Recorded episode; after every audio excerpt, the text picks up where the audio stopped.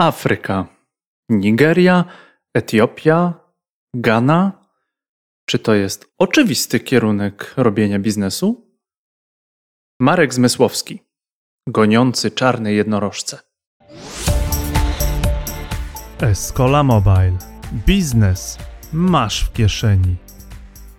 Jak to się stało, że facet z Polski zaczął zakładać startupy w Nigerii, biznes się kręcił, firmy rosły? Dlaczego warto inwestować na afrykańskim lądzie? Miliony, prosperujący biznes i gość naszego podcastu, Marek Zmysłowski. On wie, jak to się robi. Trochę James Bond, trochę Elon Musk, na dodatek człowiek z wizją, plus człowiek z twardą skórą.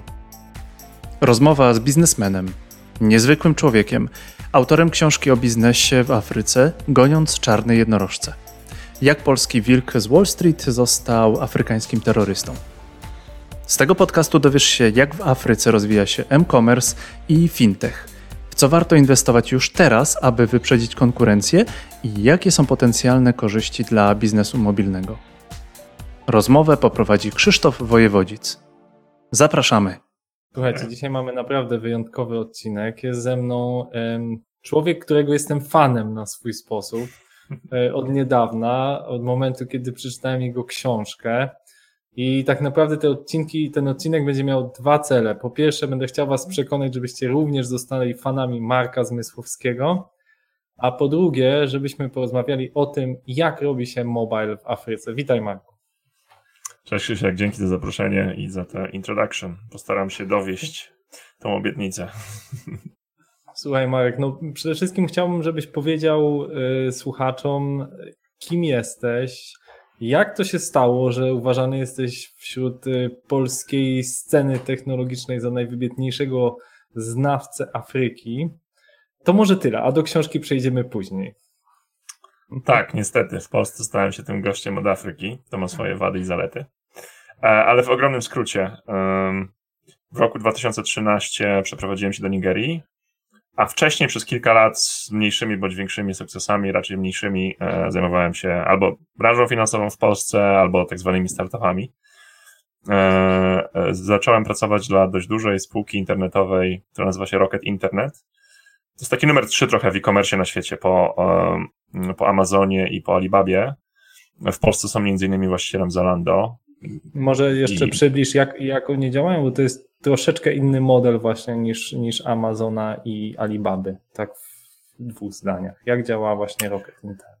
Znaczy, Inny jest, znaczy Rocket jest znany na świecie z takiego PR-u fabryki klonów, E, czyli oni bardzo szybko wchodzili do, e, do rynków e, na wcześniejszym etapie rozwoju, zakładając, że duże biznesy z rynków bardziej rozwiniętych, najczęściej Stany bądź Europa Zachodnia były tutaj benchmarkiem, że te biznesy prędzej czy później, do tych innych rynków wejdą e, i oni otworzą się szybciej niż, te, niż ci duzi gracze, a potem się im sprzedadzą. Taką łatkę dostał Rocket Internet nie do końca e, uczciwą, bo to się zdarzyło dwa razy, między innymi City Dealem, którego otworzyli w Polsce, w Europie i potem sprzedali e, w Niemczech, potem sprzedali do Groupona. To się też zdarzyło z Alando, które otworzyli w Niemczech w 10 chyba dziewiątym roku i po trzech miesiącach sprzedali do eBaya za 50 milionów do euro.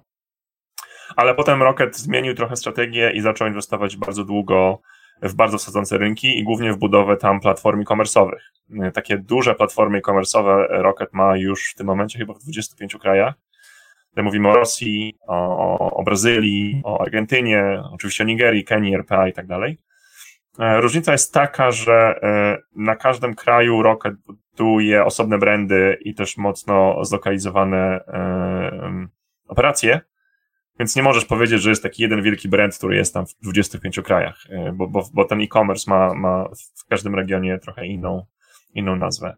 I ogólnie dla mnie w roku 2012, bo ja wtedy zacząłem aplikować do Rocketa, e, praca w takim, takiej ogromnej firmie, tak szybko rosnącej, takiej agresywnej, to jest trochę jak dla konsultanta praca w McKinsey albo dla kierowcy wyścigowego e, e, jazda w zespole Formuły 1, e, bo wiesz, że Ja jak tam popracujesz przygodę, z przygodę z BCG też z BCG. Też, też duża, duża, duża firma. To chyba należy do Wielkiej Czwórki też? Czy, czy Mhm. dokładnie. Ja, więc bardzo podobny case. W każdym razie ja wiedziałem, że przez dwa lata, jak tam wypróję, będę sobie wypróbował żyły. Wiadomo, że taka praca jest niesamowicie ciężka. E, e, pracować z nimi w takim, takim tempie, e, ale nauczy się rzeczy, których nie nauczymy się nigdzie indziej. Ja mam to dość, znaczy u mnie było tak, że ja poszedłem tak jak Mark Zuckerberg i Steve Jobs, że rzuciłem studia na pierwszym roku, bo myślałem, że zbuduję Facebook albo Apple, to nie wyszło. też na Harvardzie rozumiem, tak? No nie, nie z Harvardu, ja odszedłem z Politechniki Poznańskiej. no, z jakiegoś tam kierunku automatyka i zarządzanie.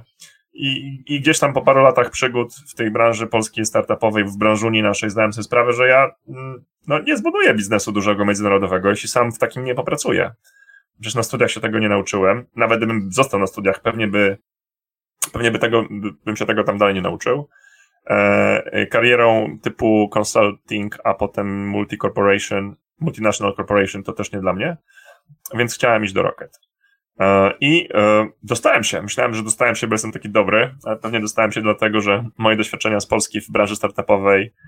Polska dla, dla Niemców wtedy to była taka trochę Afryka Europy, mówiąc wprost. Więc oni uznali, że jak ja sobie poradziłem w Polsce, to sobie poradzę też w Afryce. E, a, a dwa, że no wtedy zbyt wielu menadżerów w tej branży nie chciało się przeprowadzać do Nigerii, żeby tam otwierać coś od zera, bo Nigeria nie miała najlepszego PR-u. A ja nie miałem za wiele do stracenia, naprawdę chciałem się wynieść z Polski i, i, i zdobyć taki, takie doświadczenie biznesowe w Rocket, bo to był dla mnie Ferrari. No i się dostałem. A powiedz mi, powiedz mi, e, bo ten początek przygody, zawsze początki są takim, wiesz, turning pointem, czyli coś, co takiego zmienia się w twojej głowie. Rozumiem, że byłeś zmotywowany, żeby właśnie działać globalnie, żeby wynieść się z Polski. Ale jaka była twoja świadomość tego, dokąd jedziesz, czym jest Nigeria, czy szerzej Afryka w roku 2012-2013, jak zaczynałeś? Absolutnie żadna. Ja nawet nie wiedziałem, gdzie ja będę wysłany. Jak Rocket wtedy aplikował na menadżerów, łamane przez co-founderów, bo o tym, że Rocket rekrutuje co-founderów, co jest takie trochę nietypowe, można, możemy pogadać później, oni wtedy na, na stronie internetowej ogłaszali, że szukają kogoś do Egiptu. Ja Egipt znałem tylko z fajnych miejscówek kitesurfingowych i z piramid. Mówię, dobra, to sobie w piątki będę miał co robić. A dopiero potem wyszło gdzieś przy okazji, e, na którymś już etapie rozmowy, że zmienili zdanie i będą zaczynać ekspansję w Afryce mm, od Nigerii ale ja już wtedy to, byłem to, totalnie to, to, sprzedany. tu wątek merytoryczny, bo myślę, że to ma znaczenie. Dlaczego e, zaczęli od Nigerii? Dlaczego Rocket wówczas i pewnie do dzisiaj to się utrzymuje? Dlaczego ta Nigeria jest takim istotnym rynkiem dla, dla Afryki? Hmm. Zależy jak to patrzysz. Ja im, im dłużej mam do czynienia z Afryką, to zdaję sobie sprawę, że wszyscy zaczynają od Nigerii, dlatego że wszyscy inni zaczynają od Nigerii. Mhm. Jest to taki rynek, który charakteryzuje się w long termie największym potencjałem, no bo mówimy tu o 200-milionowym społeczeństwie, które niedługo będzie miało 400 milionów. Mhm. Świetna demografia, prawda? Świetna demografia, wszyscy młodzi, e, aktywni e, i tak dalej, i tak dalej. Tak naprawdę potem sobie zdajesz sprawę, że rynek tak zwany addressable market, czyli ile z tych 200 milionów ludzi ma jakiekolwiek pieniądze, żeby móc być takim mhm. typowym pod, podmiotem rynku, kupować cokolwiek codziennie, jakieś zakupy, chodzić mhm. do kina, czyli klasa średnia, to tam jest tego 1%. Więc y, mhm. z tego się robi Warszawa. Ale to jest... która, która faktycznie coś może od ciebie kupić, tak? Dokładnie. Więc, y, więc wszyscy tak naprawdę patrzą w long termie, albo chcą patrzeć. Mhm. Ale z drugiej strony. Jest to założenie, jak to w startupach, założenie oparte o wiarę, że to się rozwinie, tak? Że to, ta klasa tak. średnia się, się wzmocni. E, tak, bo zakładasz, że rynek będzie rosł bardzo szybko, co wtedy było bardziej oczywiste niż teraz. I są modele biznesowe, gdzie zwycięzca bierze wszystko. No jak na przykład social media, jak fintech e, i, i parę innych, więc mhm. e, łatwiej zdobyć pozycję lidera na mniejszym rynku niż na ogromnym już za, zapakowanym przez konkurencję. Założenie jest takie, że łatwiej jest zdobyć lidera, e, pozycję lidera na samym początku, a potem tylko dorzucasz kasę, żeby przeczekać, aż rynek urośnie i pozwoli tobie być też duży. Ta strategia nie do końca wyszła w Afryce Subsaharyjskiej, ale to o tym za chwilę, bo e, nie mamy niestety wpływu na geopolitykę świata i takie rzeczy jak COVID i Chiny i tak dalej. Um, a, ale tak, to dlatego właśnie duże firmy biorą pod uwagę Nigerię, ale y, bo, bo wszyscy tam są i ona jest ogromnym potencjałem, a dwa, Nigeria ma też taką opinię rynku, y, jak coś może źle pójść, to pójdzie na pewno w Nigerii. Potem może być tylko łatwiej w innych krajach. Mhm. E, bo to jest na naprawdę e, twardy rynek do robienia biznesu. Czyli, chrzest Z uwagi przez na- ogień, tak? E, nauka. Chrzest przez nauka- ogień. Tak, tak, dokładnie. Mhm. A gdybyś miał, jak tak. cię zapytam teraz, bo już twoja wiedza jest znacznie większa po, po 8 latach, jeżeli miałbyś dzisiaj startować gdzieś e, na nowych wschodzących rynkach, to gdzie by to było? E, Okej, to, to najpierw o Afryce. Mm, To też bardzo mocno zależy od Twojego e, backgroundu, od Twojego biznesu. Nawet najmniejsze kraje w Afryce, jak patrzysz na potencjał dziesięcioletni, to i tak są, mają większy potencjał niż kraje w Europie często. Ale to też zależy od Twojego biznesu, ale ja się często śmieję. E, Ja bym na pewno nie patrzył na makroekonomię. E, Ja bym patrzył na to, e, jak zarządzany jest kraj, jak jest, jaki jest problem z korupcją, przede wszystkim jaka, jak jest rozwinięta infrastruktura. W Afryce zobaczysz, że Tak? Geopolityka. W Afryce zobaczysz taką regułę, że kraje o bardzo dobrej, dobrze rozwiniętej infrastrukturze są małe i mają dyktatorów. E, Ale to są tacy, hmm, tacy kompromisowi dyktatorzy. To nie jest chyba ktoś, kto mm, jako frajdę zabija swoich oponentów, tylko jest to dyktator, który trochę trzyma za mordyzm po to, żeby coś szło do przodu. Jest taka fajna książka Dead Aid, która pisze o takiej koncepcji właśnie mm, dobrodusznego dyktatora, który oddaje władzę wtedy, kiedy kraj jest gotowy na demokrację, bo możesz kraj jeszcze bardziej rozwalić, jeśli demokrację wprowadzisz zbyt szybko jak kapitalizm. I to chyba przykładów nie trzeba szukać daleko, Mhm. prawda? Mhm. Jak patrzymy na to, jak czasami Stany Zjednoczone wprowadzają tę demokrację za szybko i kończą jeszcze gorzej. E, Więc ja bym patrzył na Ruandę, ja bym patrzył na Namibię, ja bym patrzył na, na bardzo ciekawe kraje typu Tanzania. Mm, One są mniejsze. Cape Verde, jest, ale to jest malutkie, to już nie, nie, może nie do końca. E, Ghana, czyli takie kraje tier 2, jeśli chodzi o makroekonomiczny potencjał, ale to będzie takie wejście light do Afryki, bo tam już więcej jest firm zagranicznych, które sobie poradziły. To wszystko jakoś więcej działa. Możesz bardziej liczyć na system, na, prze- przede wszystkim na siłę nabywczą e, klientów. Tak, klasa średnia jest, jest pra, bardziej prawdziwa. E, System sądownictwa działa trochę lepiej i, i, tak dalej, i tak dalej. A więc nie, nie, nie sugerowałbym się po prostu tymi głównymi danymi makroekonomicznymi. że Potencjał, potencjał 200 milionów ludzi. To nie jest aż tak istotne. Okej, no to zaraz będę chciał Cię jeszcze zapytać o otoczenie biznesowe, no ale jako już jesteśmy w Escola Mobile, to przynajmniej mnie interesuje właśnie ten aspekt e, mobilny, tak? Mhm. E, Intuicja, ja też jak tu, tu przygotowałem się do rozmowy, no to, to no tak, no, Afryka nie ma tak rozwiniętej sieci, nie wiem, światłowodowej, internetu, więc si siłą rzeczy domyślam się, że w tym momencie albo rozstrzygają przetargi na 5G, które pewnie będą stawiać Chińczycy, albo już stawiają maszty 5G i być może będą mieli bardzo dobry internet bezprzewodowy, tak? Mhm. E, Podobnie mówiłeś e, w- w swoich licznych wypowiedziach na temat rozwoju M-bankingu, że tam mało osób korzysta z PC-ów, żeby robić jakieś przelewy, żeby bawić inne, inne rzeczy. Zresztą tutaj Escola też ma klienta, który taki system płatności opracował dla, dla Afryki przez jakieś SMS-y, przez, przez e, jakieś takie systemy zupełnie e, low internetowe. Mhm. E, I jakbyś mógł powiedzieć, jakby jak to się stało i przede wszystkim no, masz takie e, first hand experience, jak to działa i czy to działa? Mhm. To najpierw internet, potem jakby ekosystem mobilny. Z internetem naprawdę nie ma problemu już od dłuższego czasu. Um, mówię tu oczywiście o dużych miastach, ale Afryka jest bardzo zurbanizowana. Yy, W takim Lagos masz 20 milionów ludzi, w takiej Abudży masz chyba kolejne parę i tak naprawdę tam jest 80% ludzi w Nigerii, którzy mają pieniądze. Więc to, że nie ma internetu w wiosce, mm, 50 km poza Lagos, ci i tak nie interesuje, bo tam nie masz mm, yy, klienta docelowego. Mm, LTE, pamiętam, że w Nigerii był przed Polską. Yy, Także problemem nie szybkość, bardziej stabilność łączy. To się mocno poprawiło. Jak ja, ja się przeprowadzałem do Afryki, to chyba były tylko dwa kable oceaniczne yy, yy, łączące Afrykę z internetem. A a teraz są chyba już cztery i się budują kolejne, nie pamiętam dokładnie. Także jest, jest naprawdę lepiej.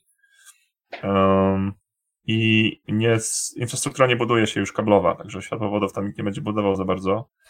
No, w, głównych miastach są, ale wszyscy pakują głównie kasę w, w, w internet bezprzewodowy, nie dlatego, że on może od razu jest lepszy, ale dlatego, że przekopanie się ze światłowodem 100 metrów w Lagos to jest tak mocno skomplikowane logistycznie zajęcie, jak przekopanie się ze światłowodem pewnie na 5 km w Warszawie.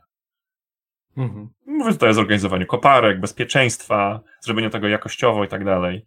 Wszystko, mhm. co ma, co wszystko to jest fizyczne, jest po prostu bardzo skomplikowane i cięższe do wykonania e, w Afryce. Więc jak to jest, e, e, wiesz, no bezprzewodowo, to każdy, każdy w to pakuje. Dlatego internet już nie był problemem. Ja pamiętam jeszcze 2012-2013, ja sam miałem chyba trzy SIM karty, trzech różnych telekomów.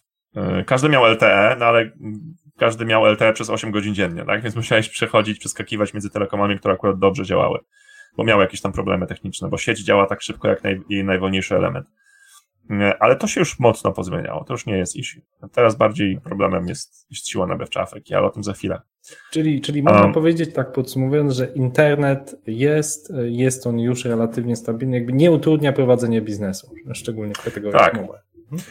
I jest tani, znaczy jest bardzo drogi, jeśli porównasz ceny internetu do cen, do średnich zarobków, ale w, e, w jakby w porównaniu bezpośrednim ceny za, za tam megabajty w Afryce, a w, a w Europie nie są już aż tak od siebie oddalone. A teraz kwestia e, błękowości mobilnej, cyfryzacji usług i tak dalej tu chyba trzeba wziąć pod uwagę dwie rzeczy. Po pierwsze, posiadanie komórki jest symbolem statusu, bo często nie masz domu z prądem i z wodą, nie masz telewizora, nie masz dobrych ciuchów, ale komórkę musi mieć każdy, bo to jest dla ciebie po prostu okno na świat, na wszystko. Tutaj mhm. wszystko robisz przez komórkę, więc często odmówisz sobie jedzenia tylko po to, żeby od, odłożyć na, na, na, na telefon. Uh, więc siłą rzeczy od razu wszyscy mają komórkę, nawet najbiedniejsi, nawet ci najmniej wyedukowani. Druga rzecz jest taka, że z uwagi na to, że rozwarstwienie społeczne jest tak ogromne, jest tylko kilka modeli biznesowych, które pozwalają ci zbudować biznes naprawdę dla każdego, naprawdę masowy.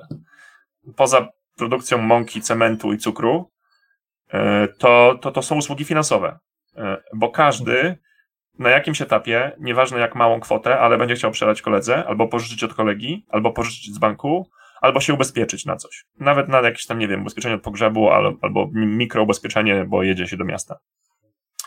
Więc e, usługi finansowe to są takie jedyne, no, no też poza telekomem, które jeszcze nie są rozwinięte na komórce, a mają szansę być u każdego, u każdego mieszkańca, y, mieszkańca Afryki, bo cała reszta to są produkty y, premium. No. no tylko 20% społeczeństwa w Afryce stać, żeby chodzić do kina raz na miesiąc na przykład.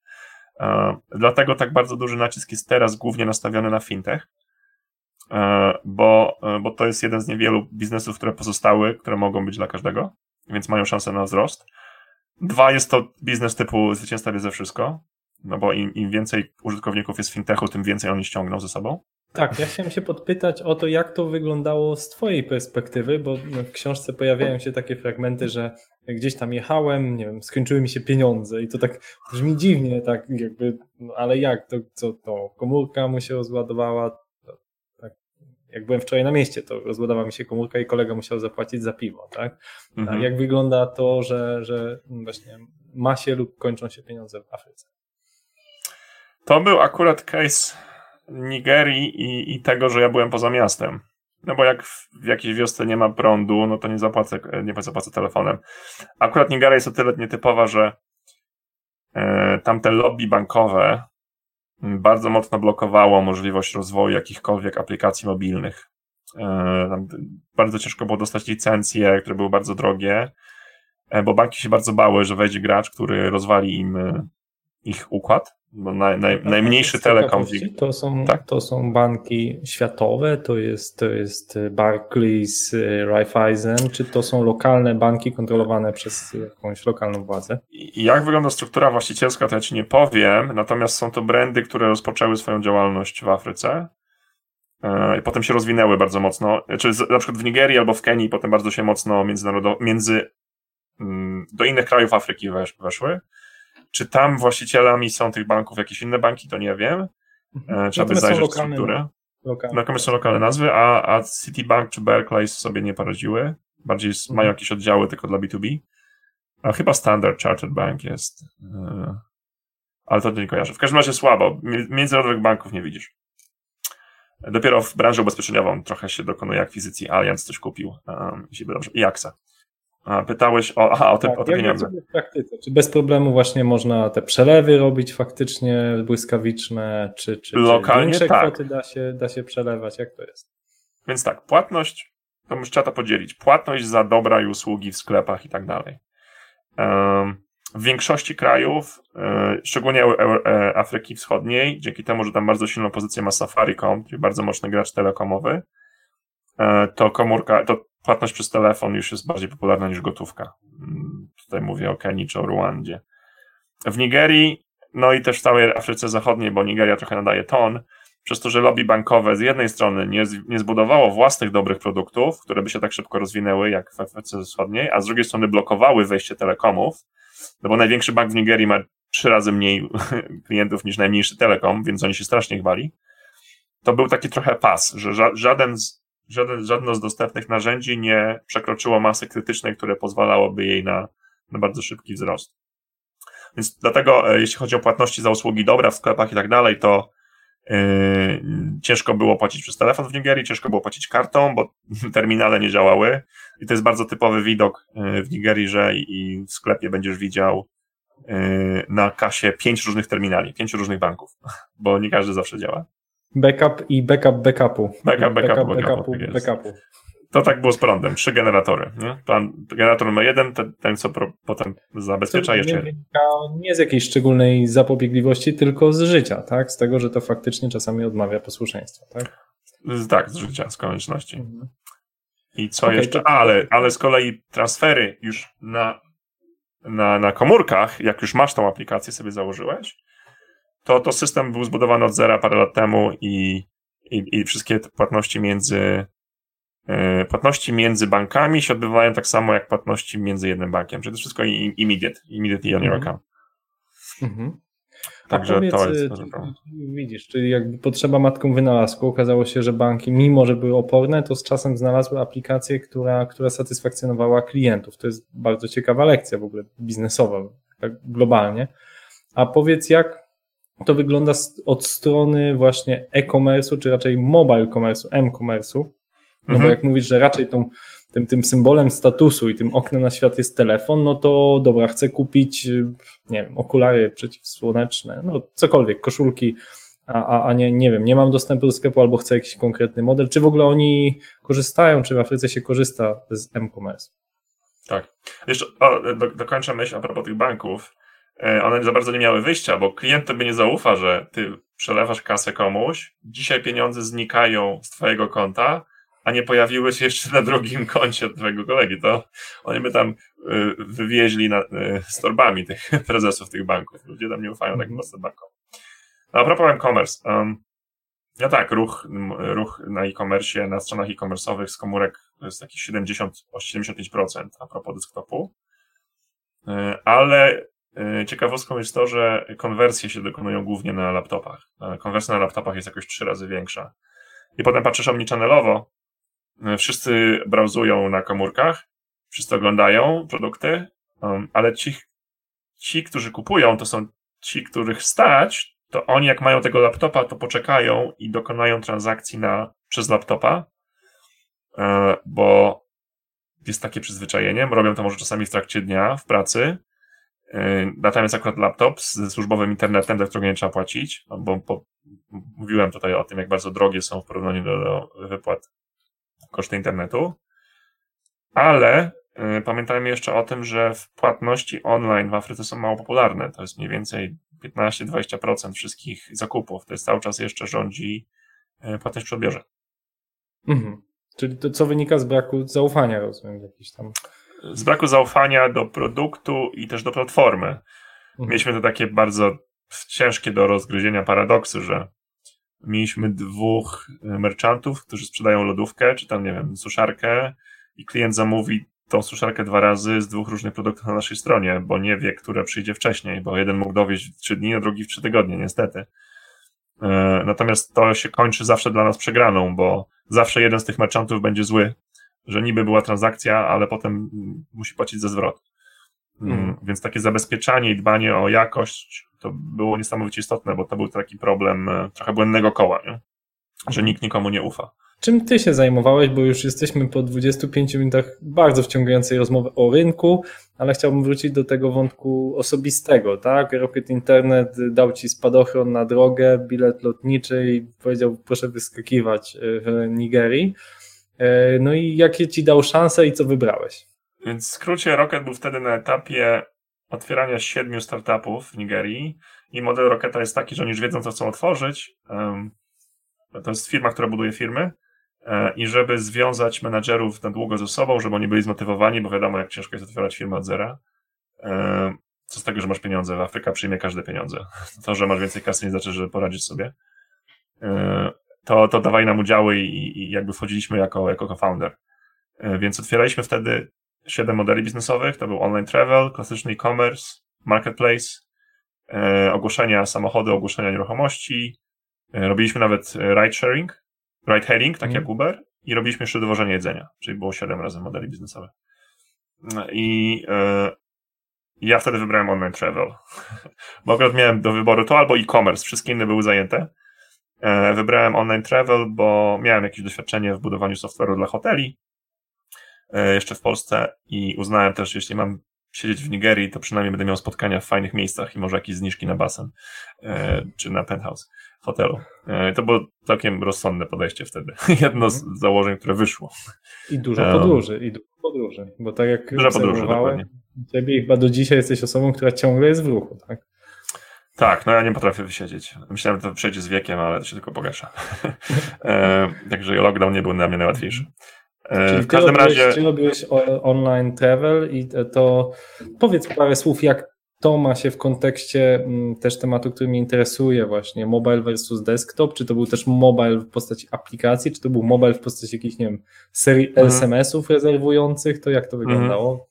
Tak, no to zapomnij o aplikacjach, bo aplikacja to jest jakby osobny produkt, który ma sens promować, przynajmniej tam. Jak już masz lojalną grupę klientów i chcesz zwiększać retencję. Bo mhm. posiadanie aplikacji to jest kolejna pamięć, która jest zajmowana przez telefon. A jak gościowi się kończy y, pamięć i ma skasować albo twoją aplikację, albo zdjęcia córki, to wiesz, co zrobi. Więc jak najbardziej web. Y, mhm. y, natomiast musisz iść i na, i na desktop, i na komórkę. Z uwagi na to, że może ogromna większość ruchu jest z komórek, ale ogromna większość konwersji jest z laptopów i tam jest bardzo duży i bardzo bardzo istotny jest aspekt omnichannel'owy, czyli ten, kto dokonuje zakupu na laptopie, to jest ta osoba, która ma pieniądze i tak zaczyna swoją podróż na górze funnel e, przez komórkę. Więc musisz iść tu i to. Um, no i z hotelami było podobno, e, bo ja na początku mieliśmy 7 biznesów, potem w końcu je połączyliśmy po trzech latach w jedną dużą grupę e, e-commerce'ową i ona poszła na giełdę.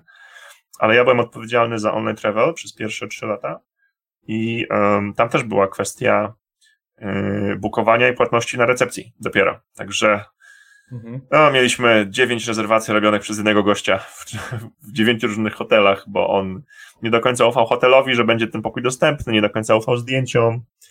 I kończyło się zawsze na tym, że z dziewięciu rezerwacji osiem hoteli są zadowolonych.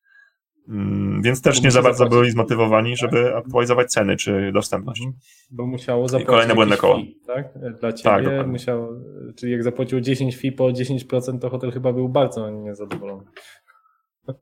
Yy, to znaczy, mi się wydawało, że ja zarobiłem, ale potem klient nie przechodził, więc hotel mi nie tylko nic nie musiał zapłacić, ja wydałem kasę, a też hotel był zły, że przygotował pokój dla klienta, być może odmówił komuś no tak. innemu, a nikt nie przyjechał. Dziewięć, dziewięć pokoi dla jednej osoby. To, to się raczej nie do końca opłaca.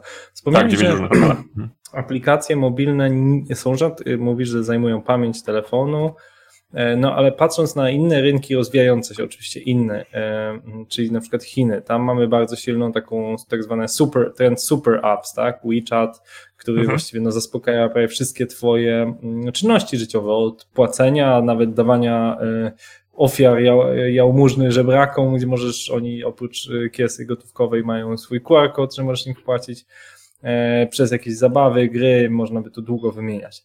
Czy w Afryce są jakieś aplikacje, które są powszechnie wykorzystywane, które zyskały teraz, już e, może nie w 2012-2013, ale teraz zyskały taki szeroki odbiór i można powiedzieć, że to są takie afrykańskie super apps? Nie ma. I to jest bardzo dziwne, bo w Afryce to nie jest nietypowe, że masz jeden brand o robieniu wielu dziwnych rzeczy. Ja zawsze używam tego case'u Dangote, że masz jeden produkt, jeden worek, takie same logo. I to może być worek z cementem albo z cukrem, możesz się pomylić. E, więc zasugerowałbym stwierdzenie, że to nie jest problem, że jeden brand robi dużo dziwnych rzeczy. Um, wydaje się, że um, że musisz mieć jedną aplikację, która ma bardzo wielu linii revenue, z uwagi na to, jak bardzo jest to de facto mały addressable market, ale nikt tego jeszcze nie zrobił. Um, I to my próbowaliśmy w ramach tej grupy Jumia. Tak naprawdę Jumia jeszcze nie jest przychodowa, tylko nam się udało zyskać bardzo dużo pieniędzy z rynku od wielu różnych inwestorów, łącznie z giełdą. Ale mówisz dalej, os... nie jest, mówisz o roku 2019? 2020, nie. Plan jest, żeby Jumia była po raz pierwszy dochodowa w tym roku jest dopiero. Covidowa, e... może być. Tak. E... Mhm. Natomiast w zeszłym roku do Nigerii właśnie weszła bardzo silna, dobrze zafinansowana spółka chińska, um, mająca jakieś kapitałowe połączenie z Transnetem i z Tencentem, jeśli dobrze pamiętam. I oni otworzyli właśnie super apkę. Mm, mhm. I w tej apce mogłeś i czytać newsy, i zamawiać taksówki, i kupować bilety, i przelewać kasę, i tak dalej. No i niestety zwinęli się. E, w sensie pozamykali te wszystkie inne linie revenues i zostawili sam fintech. Mhm. Wydaje mi się, że jest jeszcze na to za szybko e, i, i ta infrastruktura działa za słabo, żeby móc też do takiej super apki dołączać food delivery, czy dołączać ride hailing, a nie tylko rzeczy niematerialne, czyli kupowanie czy przelewanie, przelanie komuś kasy za prowizję. A jak już jesteśmy przy Chińczykach, padło to dwa, trzy razy. Nigerii czy Chiny są absolutnie wszędzie. W Afryce moim zdaniem Chiny już wygrały Afrykę. Mhm. Z wielu powodów potrafią sobie radzić z rządami, rozmawiać z nimi, negocjować, dogadywać takie deale, że, że, że wygrają wszystko, co chcą, dają rządom to, co te rządy chcą, nie przymykają bez, oko, rozumiem, na Bez pytania od inne rzeczy. Mhm. E, de facto osłabiły, wejście Chin osłabiło pozycję negocjacyjną rządów europejskich, które dawały kasę, ale dawały też kasę w sposób beznadziejny, to jest osobna, osobny problem. E, dla mnie jak najbardziej przyszłość jest chińska. E, przyszłość Afryki jest chińska. No cóż mogę powiedzieć. Tak, Chiny będą rozdawać kartę. Yy, Tam od odczucia, bo jakby yy, chyba, chyba one są najistotniejsze w tym momencie. Słuchacze mogą sobie sprawdzić statystyki, yy, że tak powiem, w, w, w GUS-ie czy w jakichś światowych czy europejskich mm, księgach. Natomiast bardziej mnie interesuje, co mnie zaszokowało, że Chińczycy przewożą nie tylko swój management, swoich C-leveli do operowania tym biznesem, ale dosłownie przywożą też ludzi, którzy e, kładą te drogi, którzy stawiają wiatraki, którzy stawiają e, panele słoneczne, czyli dosłownie jakby implementują tą kulturę jeden do jeden kopiują, tak? Nie dają mhm. nawet tak bardzo, nie wiem, zarobić przysłowiowo, tak? Dogadać się, zaimplementować tej kultury mieszanej. Czy to, czy to potwierdza ze swojego doświadczenia? To e, szczególnie ma, jest widoczne przy konstrukcjach, bo po prostu jest taniej wziąć chińskiego budowniczego, który już jest wykształcony i ma jakieś doświadczenie, ściągnąć go z Chin, bo oni też bardzo mało zarabiają, niż uczyć kogoś od nowa y, z Nigerii, a niestety jak uczysz kogoś od nowa z Nigerii, to musisz zaczynać od uczenia y, czytania i pisania. Więc ten proces edukacyjny jest o wiele dłuższy. I to jest bardzo powtarzalny case, że właśnie budowy autostrady, drogi i tak dalej Chińczycy przywożą własnych ludzi. W przypadku innych fabryk, kiedy chińskie przedsiębiorstwa otwierają własne produkcje, nie wiem, mebli, czegokolwiek innego, to, to mamy to na mniejszą skalę, w sensie ściągają własny middle management, a tych naj, naj, najniższych pracowników e, to już rekrutują lokalnie. Um, ale to, że middle management i w górę będzie tylko i wyłącznie chiński, jest, jest, jest jakby niedyskus, niedyskusyjne. E, mhm. Także to, to jest ten problem transferu, e, transferu wiedzy. E, który mm, jest problemem dla Afryki zarówno ze strony chińskiej, jak i ze strony europejskiej. Przy europejskie firmy tak samo nie. E, no ja byłem przykładem, tak, że, że cały mm, senior management przyszedł z Europy, co jest tak naprawdę efektem kapitalizmu, no bo w firmie jest po prostu taniej i, i bezpieczniej wziąć menadżerów z rynku, na którym oni już się znają, bo wiedzą jak rekrutować, wiedzą kto jest dobry, kto jest, kto jest niedobry, niż dodawać sobie kolejny level ryzyka, zatrudniając ludzi, co do których pewności nie ma, jeśli chodzi o to, czy rekrutacja została do, dobrze zrobiona, czy wiemy, jak będziemy z nimi współpracować i tak dalej, i tak dalej, bo to jest kolejny level ryzyka. Więc to jest niestety efekt kapitalizmu i potem ten transfer wiedzy trzeba y, czasami też wzmacniać czy wymuszać odpowiednimi przepisami. I, I rozumiem, że pojawia, bo to, ten wątek mnie ciekawi co do kompetencji. Ty piszesz, że jak przyjeżdżałeś, no to właściwie właśnie management został, został wyrzucony na spadochronach, czy, czy mhm. też po prostu wysiadł z samolotów. E, I, I, afrykański żar uderzył wam w twarz. Natomiast wkrótce potem e, było coraz więcej osób lokalnych, które zaczynały gdzieś tam powoli i potem zbudowały swoją pozycję. Pamiętam, opowiadałeś świetną historię, może, może byś mógł ją e, streścić, o kierowcy twoim, który stał się mhm. salesmanem. Tak, to, są, to jest jakby z dwóch stron, opowiem.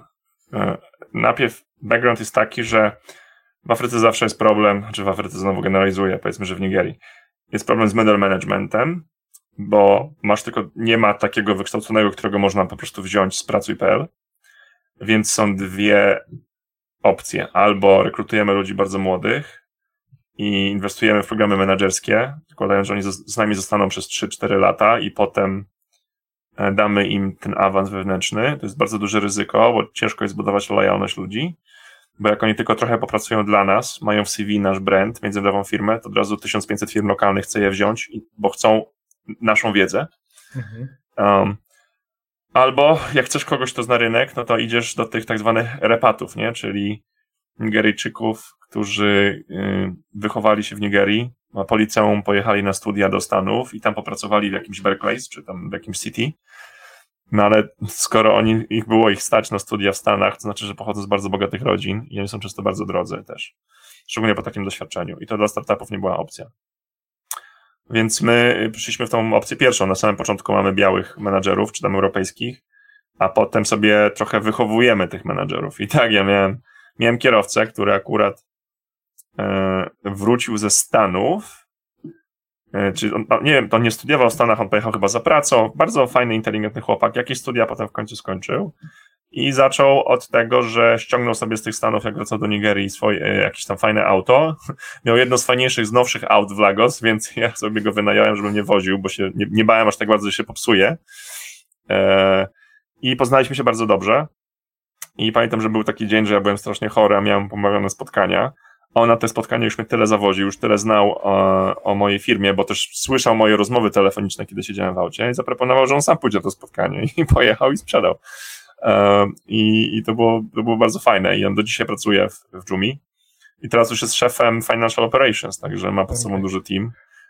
Takich case'ów było wiele, ale to jest taki jeden symptomatyczny bardzo.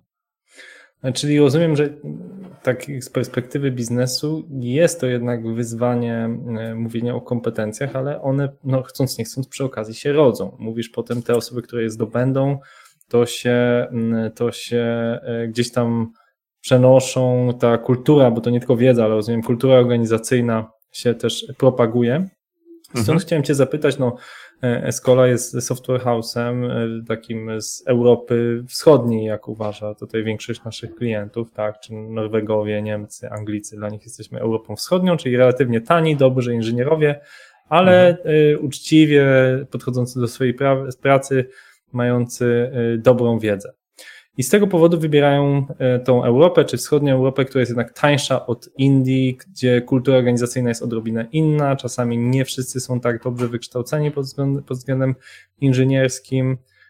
E, I moje pytanie jest takie, czy twierdzisz, że być może mm, wiem, Afryka stanie się drugimi Indiami? To znaczy, czy ja jako szef software house'u powinienem się, nie wiem, w jakiś sposób obawiać, że te miejsca pracy, które w Afryce na pewno będą jeszcze tańsze, być może jeszcze tańsze niż w Indiach, duży rynek mówisz, e, że, że Afrykańczycy, nie wiem, odbiorą pracę e, deweloperom za, nie, może nie za 3 lata, ale za 10 na przykład.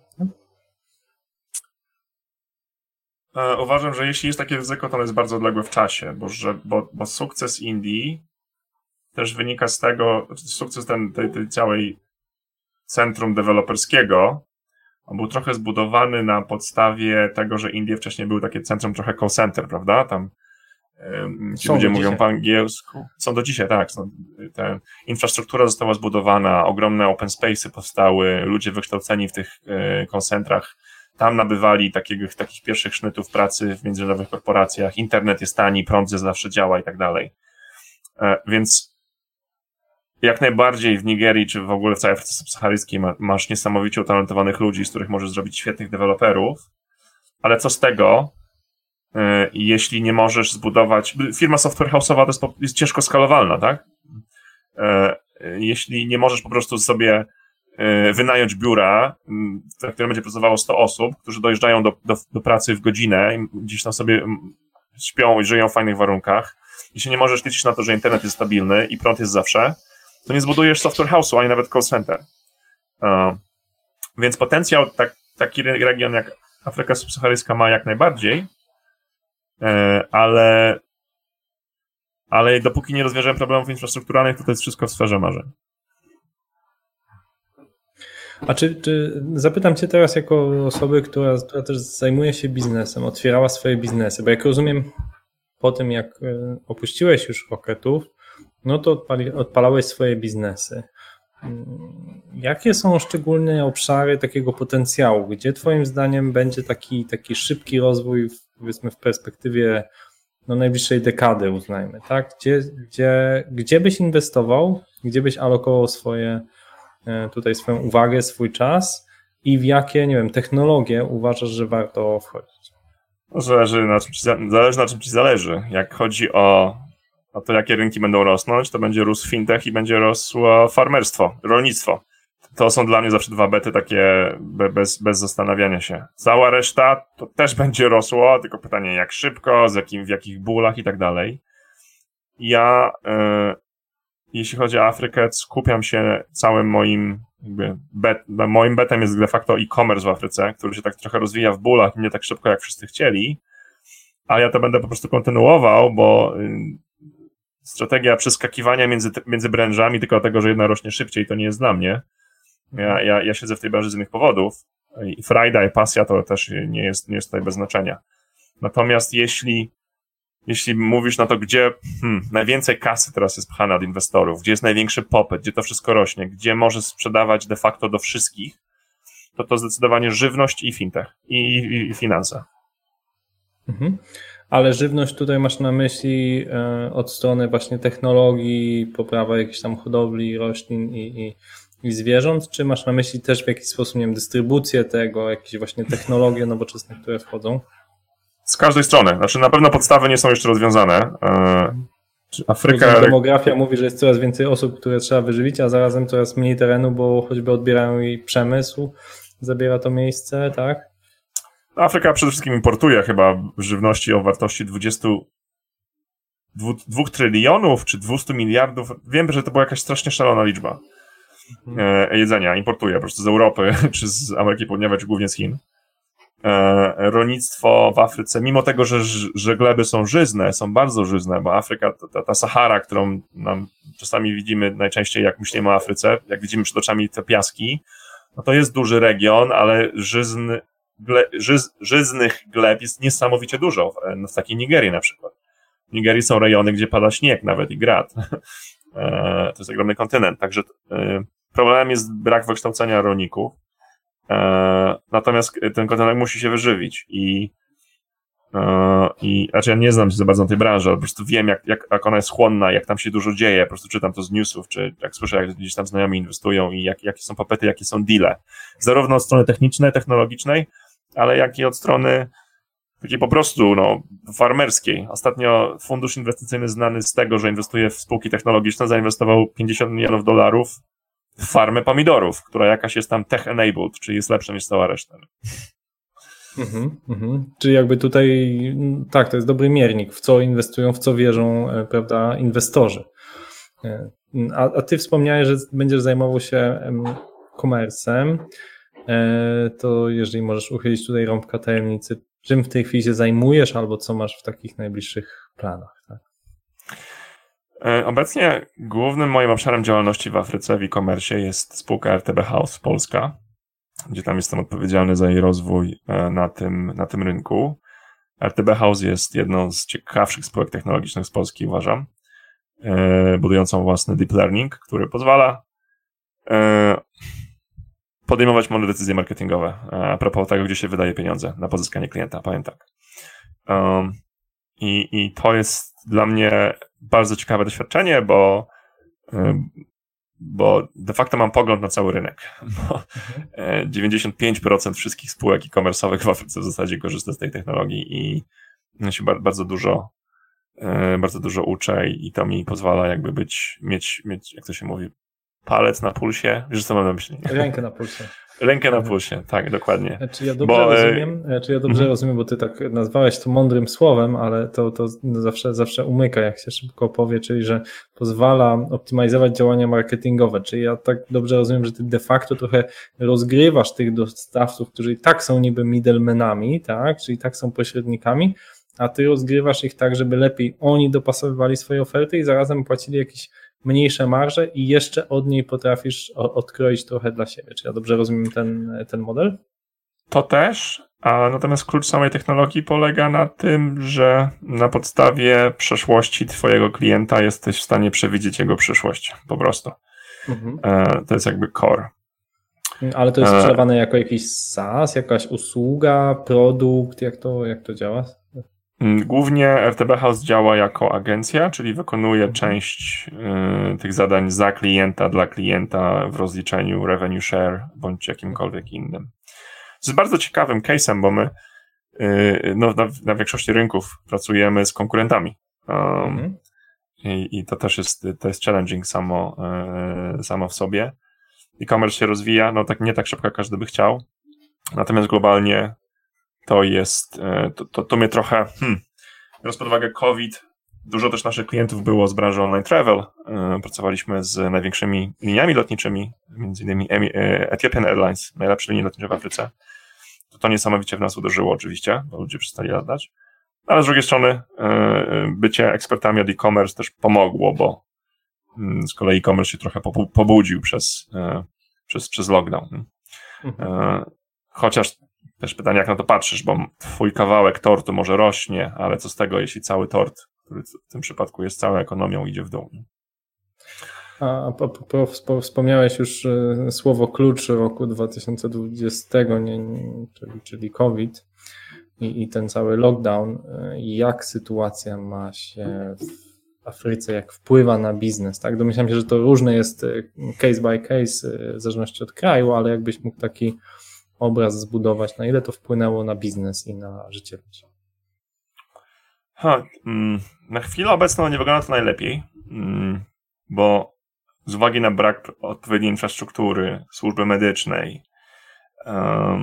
brak mechanizmów, które pozwalają wprowadzać prawo w życie szybko i tak dalej, to, to, to, to korona sobie po prostu rośnie wszędzie. Ale z drugiej strony kraje afrykańskie są przyzwyczajone do, e, do takich epidemii czy, czy wybuchów, dzięki eboli na przykład.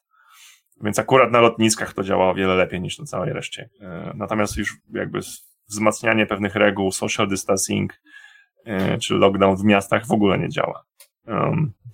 Z drugiej Czyli strony. W Nigerii się chodzi w maseczce dzisiaj? Nie wiem, do, do restauracji. Nie, no absolutnie. E, no jak, jak możesz robić social distancing, jak gdzieś tam rodziny mają 20 osób mieszka na 4 metrach kwadratowych. Um, dalej, no niesamowicie dla Afryki ważny jest handel międzynarodowy. Um, um, import, e, czy też po prostu przyjeżdżanie, przylatywanie turystów i inwestorów zagranicznych i to wszystko siadło. Także ekonomie dostają mocno po tyłku, niestety. E, druga rzecz była też taka, że jak e-commerce wybuchł w Europie, to Chiny się skupiły na dostarczaniu produktów do Europy i mimo tego, że w Afryce też zaczął e-commerce wybuchać i ludzie coraz więcej chcieli kupować, to nie było produktów, bo przecież Chiny się skupiły na Europie najpierw, a potem ciężko było odzyskać rzeczy z portu, bo nie można było gdzieś pojechać do portu, bo korona.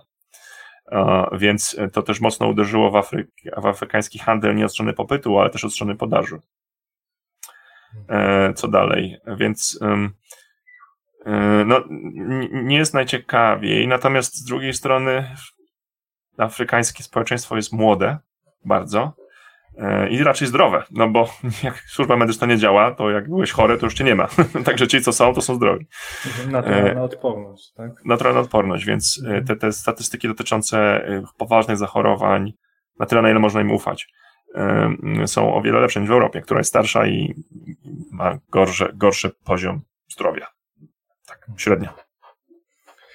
Okej, okay. jeszcze chcecie bardziej podrążyć temat właśnie tych, tych super aplikacji i multi-aplikacji. E, mówisz, że jakby jakiś czas temu aplikacje zajmowały miejsce w telefonie, więc wybierając nie masz aplikacji, bo masz tam zdjęcia córki, mhm. ale jednak domyślam się, jest jakieś parę wiodących e, takich, e, czy, czy to może być jakaś strona internetowa, która dobrze działa na mobilu, czy instalowanych aplikacji, czy jakiś taki hybryd właśnie, czy było coś takiego, z czego ty korzystałeś, nie wiem, jakiś taki afrykański Uber, czy może, czy może e, coś innego, z czego faktycznie notorycznie sam korzystałeś, co się przydaje w życiu, co ułatwia życie? No na pewno korzystałem z Jumi, no bo tam miałem wszystko w jednym. Na Jumi mogę zabukować hotel, lot, mogę zamówić jedzenie z restauracji, mogę coś kupić fizycznego. E, no potem już ride hailingu nie było. Natomiast Uber bardzo dobrze działa i Bolt. Przecież mhm. dla Bolta Nigeria i RPA mhm. to są tak. Dla, dla Bolta Afryka jest mm, już chyba większym rynkiem niż, niż Europa, jeśli dobrze pamiętam, albo drugi największy. E, więc Uber i Bolt bardzo sobie dobrze działały. E, czego ja jeszcze korzystałem tam na co dzień, czy korzystam na dzisiaj? Tak naprawdę te aplikacje podstawowe, czyli poruszanie się i travel już jest załatwione. I poza tym tak naprawdę nie miałem nic typowo afrykańskiego, no poza tym, że mam konta w dwóch bankach afrykańskich, jeden RPA, drugi nigeryjski, który pozwala mi dokonywać transakcji lokalnych. A tak, yy, nie, znaczy są bardzo mocne aplikacje fintechowe, yy, takie, gdzie możesz sobie kupić swoje jakieś tam mikroubezpieczenie, czy przelać kasę komuś, jakimś tam koledze, czy, czy pożyczyć pieniądze. No ale z tego akurat nie, nie korzystałem. Natomiast jest kilka takich bardzo mocnych, typu Carbon w Nigerii, Migo w Nigerii, które już e, dokonało ekspansji na Brazylię, to jest bardzo ciekawe. Joko, które stworzyło własne. A, a mógłbyś jakby tak? rozwinąć, tak? Gdzieś Carbo, Joko, no mi te nazwy Carbon. niestety mhm. nic, nie, nic nie mówią. Jakbyś mógł powiedzieć dwa zdania, co te aplikacje robią, czemu służą. Migo jest na przykład o tyle ciekawym e, kawałkiem software'u, który pozwala bankom udzielać decyzji kredytowych nie na podstawie zatrudnienia klienta czy historii bankowej, bo często takiej nie ma, ale na podstawie jego historii e, social media, historii e, okay. ruchów logistycznych czy historii wykonywania połączeń. Czyli też ale to działa wstecznie? To znaczy, tak. czy ja muszę ją mieć zainstalowaną, czy ona dobiera się i patrzy, o, postował dużo, nie wiem, jakichś tam złych rzeczy, no to nie dostanie kredytu, a jak postował, nie wiem, właśnie o pracy, o jakieś tam... Mhm. Znaczy, głównie jest, najbardziej istotna jest historia telekomowa, więc mhm. jak podłączysz się do konta, to to działa wstecz. Mhm. E, bo banki nie udzielają kredytów za bardzo w, w Nigerii, bo nie ma, boją się, mm, że będą nie wypłacani klienci. E, banki się boją z dwóch powodów. Nie ma za bardzo instytucji komorniczej czy windykacyjnej, więc nawet jak ktoś ma pieniądze, to nie ma za bardzo jak odzyskać. E, a, a dwa, często nawet nie wiesz, czy ktoś jest wypłacalny, czy też nie, bo nie ma takiej klasycznej historii. Więc trzeba szukać innych źródeł. I Migo opracowało taki fajny artificial intelligence, który to robi i okazało się w testach, że, że dobrze wybiera tych, którym warto dać kredyt. Mhm i Nigeria, i z Nigerii zamiast pójść do Gany czy do Kenii wybrali się do Brazylii. Bardzo ciekawy case. A Carbon to jest z kolei też yy, mikropożyczki, od tego zaczęli, też w jakiś bardzo unikalny sposób. AI wybierał, kto może dostać, komu dostać, dać pożyczkę szybko, bez zbędnych dokumentacji. I to im tak dobrze wyszło, wypłacalność była tak duża, że potem rozwinęli się już w e, typowy mobilny wallet yy, i, i działają dalej. Mhm.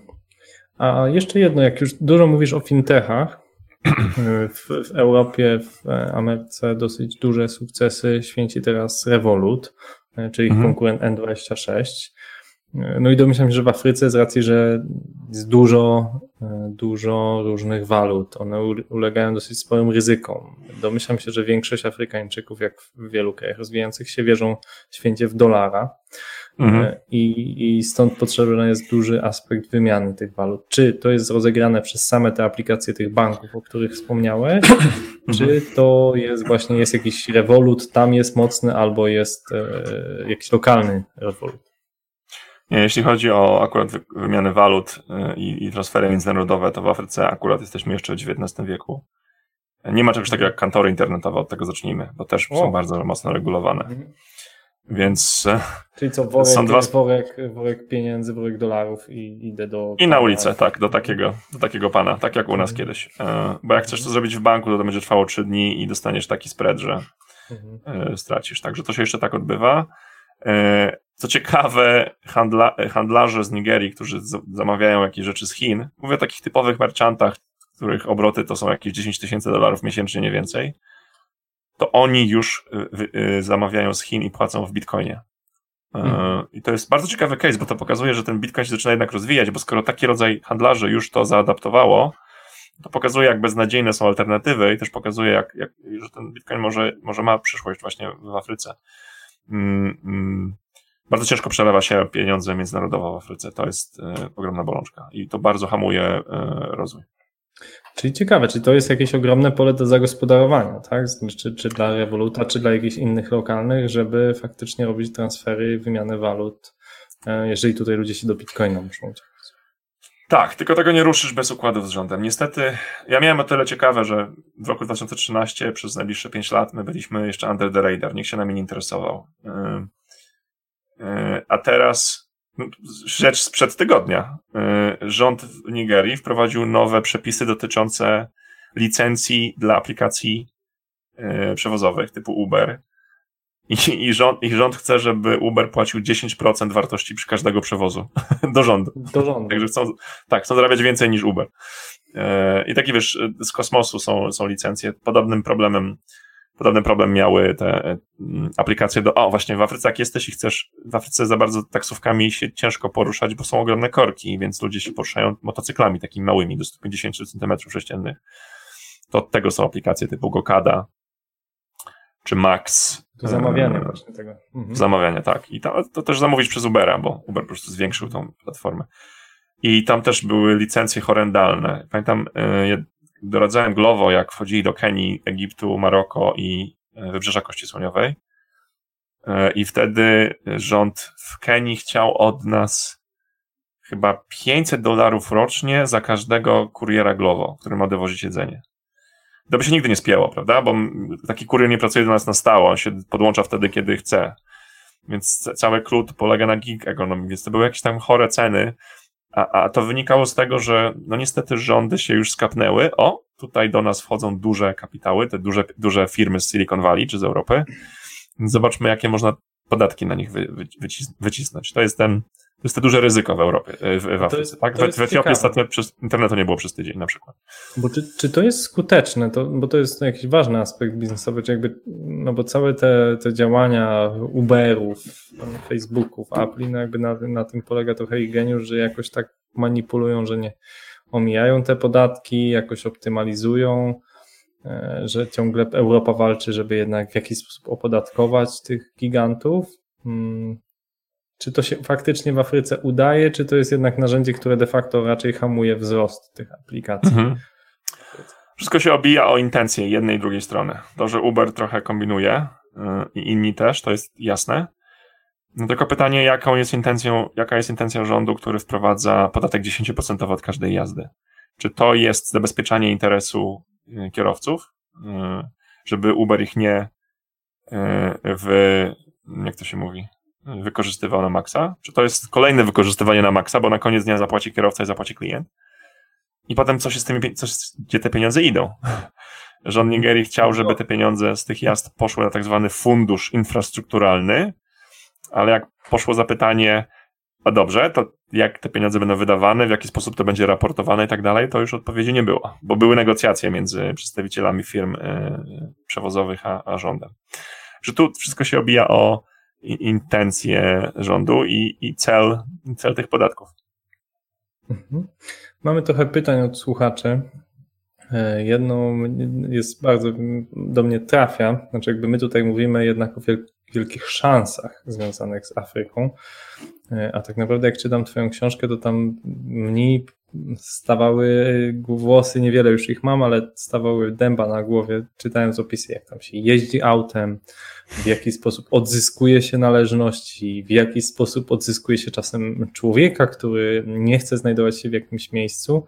No i przede wszystkim dużo jest o, dużo piszesz o rozwarstwieniu społecznym, które jest no niewyobrażalne dla nas, Europejczyków, tak? To jakbyś miał powiedzieć w kontekście właśnie robienia biznesu takiego digitalowego, mobilnego, jakie są te utrudniacze, jakie są blokery, jakie są trudności w robieniu biznesu? Mm, typ, trudności są typowe dla każdego, dla każdej ekonomii na wczesnym etapie rozwoju yy, z, z, z, małą ekonomią, yy, czyli korupcja i infrastruktura. Yy, więc korupcja ma niestety bardzo duży aspekt, bardzo duże, jak to się mówi, brzemię na Twoim biznesie będziesz się z nią spotykał na każdym kroku. E, zaczynając od policjanta, który cię zawsze zatrzyma, kończąc na pracowniku lotniska czy jakiegoś urzędu, który ma ci dać jakieś pozwolenie na to, żebyś zawiesił baner reklamowy na, na budynku swojej firmy. Kończąc też na tym, że twoja konkurencja po prostu zadzwoni do urzędników, żeby zrobili ci nalot raz na trzy miesiące tylko po to, żeby siedzieć w swoim biurze trzy dni żeby nie móc y, y, realizować zamówień, bo to zabije twój biznes. A, a, infrastruktura to jest ogromny problem mm, dla nas z Europy, bo my nie jesteśmy przyzwyczajeni do tych problemów. To jest dla nas coś zupełnie nowego. To wydaje mi się. Że gdzieś tam do tej korupcji czy, czy braku zaufania, to może trochę w Polsce, yy, szczególnie starsi przedsiębiorcy to pamiętają. Yy, te lata 90. Yy.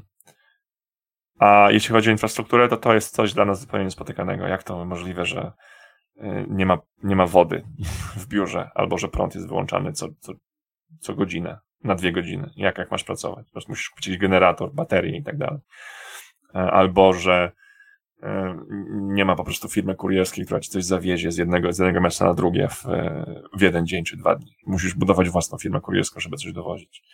Mhm. My jest jakby mm, jesteśmy przyzwyczajeni, że pewne rzeczy w Europie po prostu działają y, i możemy budować nasze biznesy na podstawie tych innych podstawowych. A tu często brakuje tych podstawowych. Mhm. Ale powiedz, czy to się, czy to się faktycznie zmienia, tak? Bo, bo tak mówiliśmy wcześniej o wątku Chińczyków, którzy tam wchodzą, że, że oni są, że budują. E, rozumiem, że tam jednak rządy poza korupcją starają się w jakiś sposób no, tworzyć te, te, te kraje, te miasta. Mówi, że te miasta mają po kilka, kilkanaście, dwadzieścia milionów mieszkańców. Tak? To przecież musi być jakaś infrastruktura, e, a przynajmniej tak by się wydawało, że tam coś powstaje. No to się zmienia, to się zmienia dość szybko, ale szybko jak na infrastrukturę i też pamiętaj, że, że wymagania są inne że w Lagos, 20-milionowym mieście, nadal nie ma transportu publicznego. I, I infrastruktura buduje się do pewnego poziomu, który i tak dla ciebie z Europy będzie o wiele, wiele za mały. Że ty uważasz, że to jest w ogóle nieskończone, a u nich to jest stan docelowy. E, e, no, podam przykład. E, jeśli jedziesz z jednego końca miasta na drugi koniec miasta, trzy godziny, a to są tylko, to jest tylko kilometr, to to u nas to by był skandal, tak? Powiedzmy, byśmy byli zszokowani i, i, i trzeba to naprawić, ale a tam to może być uznane, ok, to to już jest w miarę duża poprawa i teraz zajmiemy się tym znowu za dwa czy trzy lata. Mm, po prostu są inne standardy trochę yy, i, i to mocno uderza yy, w nas, kiedy chcemy budować taki biznes normalnie. Mhm. Co jeszcze chcecie zapytać na koniec trochę o, o Twoją głowę, głowę foundera, głowę osoby, która, która prowadziła tam biznes. Jakbyś miał wskazać, co w Tobie się zmieniło teraz. Jeśli się nie mylę, to chyba przedwczoraj miałeś urodziny, także tutaj ży, mhm. życzenia składam. E, I jakby jak dojrzałeś, znaczy jak co się zmieniło w Tobie i jak sobie nauczyłeś się z tym radzić. Miałeś też no, ogromne przygody, naprawdę odsyłam do książki, żeby przekonać się, jakie to były przygody, jak radziłeś sobie, nie wiem, z brakiem punktualności, z, z, z taką akceptacją tego, tej, tego właśnie chaosu, e, to, to, to bym chciał Cię jeszcze, jeszcze pod koniec, żebyś o tym opowiedział. Z serca, tak? Co się w Tobie zmieniło? E, przyzwyczaiłem się. Trzeba po prostu sobie pewne rzeczy odpuszczać. To jest bardzo ciężkie, jak się wchodzi na rynek, na, na kraj, gdzieś jest trochę inna kultura, bo kultura ma to do siebie, że ona wynika z naszego przyzwyczajenia, które siedzi w naszej podświadomości gdzieś tam też. Więc jak coś się dzieje nie tak, jak jesteśmy przyzwyczajeni, to automatycznie jesteśmy wkurzeni. E, I trzeba po prostu nauczyć się pewne rzeczy odpuszczać i, i pogodzić się z tym, że część rzeczy nie będzie robiona tak, jak my chcemy, bo trzeba wybierać swoje walki. Um, a czasami docenić, że może coś innego będzie robione inaczej i może to wcale nie jest gorzej. Um, więc najkrótsza odpowiedź, bo ja mogę też dać Ci, wiesz, wersję 10 godziną na to, na to pytanie, ale najkrótsza odpowiedź jest taka, że y, po prostu wyluzowałem. I, i, i, i paradoksalnie wyluzowanie sprawia, że część rzeczy się załatwia szybciej, niż być zawsze takim super spiętym. Mhm. Czyli wyluzowanie kluczem do sukcesu, ale jednak pociągnąć Trzeba znaleźć, język. E, Trzeba znaleźć złoty są, środek, e, gdzie to, są jednak takie, takie trzy rzeczy, które, które no do dzisiaj jest ci trudno zaakceptować, a jakie trzy rzeczy no, najbardziej kochasz poza, e, poza swoją dziewczyną? narzeczoną, nie wiem, jakaś ulubiona rzecz, która, która, nie wiem, jesteś tutaj w Polsce i myślisz, jak ja tęsknię, nie wiem, za moim ulubionym nigeryjskim daniem. Mhm. Czy, czy mhm. tak byś, jakbyś mógł tak powiedzieć, trzy takie rzeczy, których do dzisiaj jednak nie do końca możesz zaakceptować albo przychodzić to z wielkim trudem, a na trzy rzeczy, które... Mhm. Znaczy ja strasznie, jak jestem w Polsce, brakuje mi zawsze takiego ogólnego luzu i uśmiechu, który jest wszędzie, zawsze w Afryce i też w innych regionach. Polacy są dość, dość zamknięci. E, I, i no w Nigerii, czy w Kenii, czy w RPA też ludzie są o wiele bardziej ekspresyjni. Jak, jak są zadowoleni, to to widać, jak są wkurzeni, to też to widać i to szybko przechodzi. I te, te zawsze mi brakuje tej takiej mentalności. Um, co jeszcze? W biznesie również. Y, y, podoba mi się, czy ten, mnie akurat ten chaos kręci, bo to jest bardzo ciężki etap rynku, ale też ma swoje zalety. Ja zawsze powtarzam, że mam uczulenie na Excela y, i, i nie takie biznesy chaotyczne, gdzie trzeba dużo rzeczy pchać. W Polsce to jest zawsze startup, bo to jest na początkowym etapie rozwoju, gdzie chaos jest sam w sobie istotny, a tam ten chaos też wynika z otoczenia. I to jest y, samo w sobie uzależniające. To jest męczone na dłuższą, na dłuższą metę, dlatego robić przerwy, ale to jest uzależniające. Hmm. I pogoda. No jednak jednak e, lubię, ja lubię ciepło, ja już chyba limit zimna wyczerpałem, mieszkając przez pierwsze 23 lata w Polsce, mm, także mnie zawsze ciągnie, ciągnie do e, ciepłych krajów. E, to jest dla mnie istotne. Mm, jak mam robić gdzieś biznes i spędzać większą część swojego życia i się stresować, to chociaż z fajnymi widokami. Mhm. Okej. Okay. Słuchajcie, dla mnie to była no, bardzo inspirująca rozmowa. Zresztą y, no, osoba Marka to jest y, no, człowiek, który przeszedł, mój rocznik chyba 86, prawda? Tak. Y, który przeszedł zupełnie inną drogę biznesową niż ja. Ja w wieku 25 lat sprzedałem pierwszy startup i, i, i poszedłem pracować akurat dla rządu polskiego, a Marek w tym czasie wyjechał do, do Afryki z Rocket Internet i nabył tam masę doświadczeń, także E, no i spotkało go wiele przygód. Kto, kto nie wie jeszcze ja o czym mówię, to po prostu musi przeczytać. Ja tą książkę rekomenduję zarówno do, do, dla przyjemności, jak i do mm, taki aspekt ma edukacyjny, naprawdę.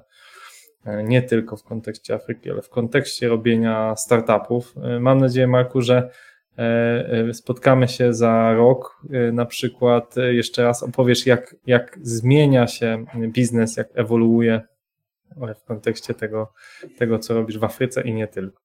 Pewnie. Dzięki za zaproszenie, chętnie pogadamy jeszcze raz. Zobaczymy, gdzie obaj będziemy. Escola Mobile. Biznes masz w kieszeni. Dziękujemy za Twój czas. Wykorzystaj fakt, że przesłuchałeś ten podcast do końca i nie dziel się nim z nikim. Nie udostępniaj linków na Spotify, iTunes ani nie zostawiaj nam recenzji. Pamiętaj, że podcast jest sposobem przekazywania wiedzy, ale niekoniecznie powinien on krążyć po całym świecie. Dziękujemy, że byłeś z nami.